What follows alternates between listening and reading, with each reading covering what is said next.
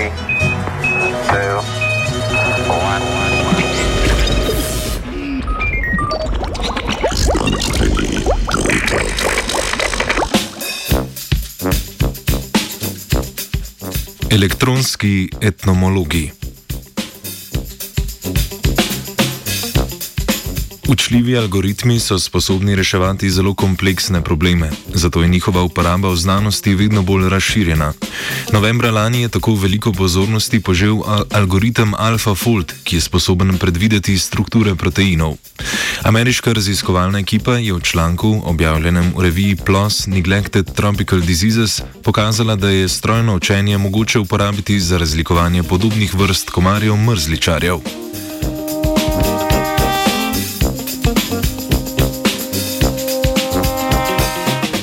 Pri spremljanju širjenja malarije je treba hitro, učinkovito in natančno določiti vektor, ki prenaša bolezen. Rod Anopheles vsebuje številne vrste komarjev mrzličarjev, ki so si med seboj lahko zelo podobne. Pravilna identifikacija vrst je pogosto zelo težavna celo za izkušene etnomologe.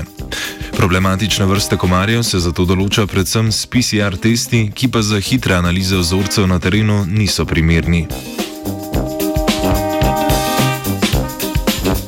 Na srečo so stroji boljši od ljudi, vsaj pri določanju skoraj identičnih vrst komarjev. Raziskovalci in raziskovalke so uporabili nevronske mreže sposobne strojnega učenja.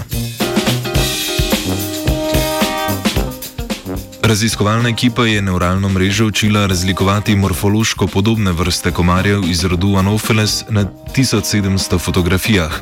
Po usposabljanju je program pravilno določil več kot 95 odstotkov neoznačenih primerkov različnih vrst komarjev mrzličarjev, s tem je prekašal celo izurjene etnomologe.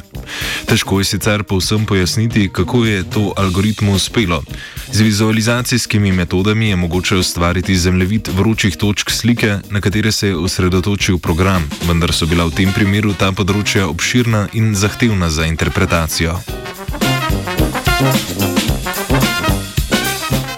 Raziskovalna ekipa je sprva pokazala, da lahko učljivi algoritmi razlikujejo tudi med zelo podobnimi vrstami komarjev. Ker to vrstni računalniški programi ne potrebujejo drage opreme, bi lahko postali učinkovita alternativa obstoječim načinom popisovanja različnih vrst komarjev, mrzličarjev in drugih organizmov.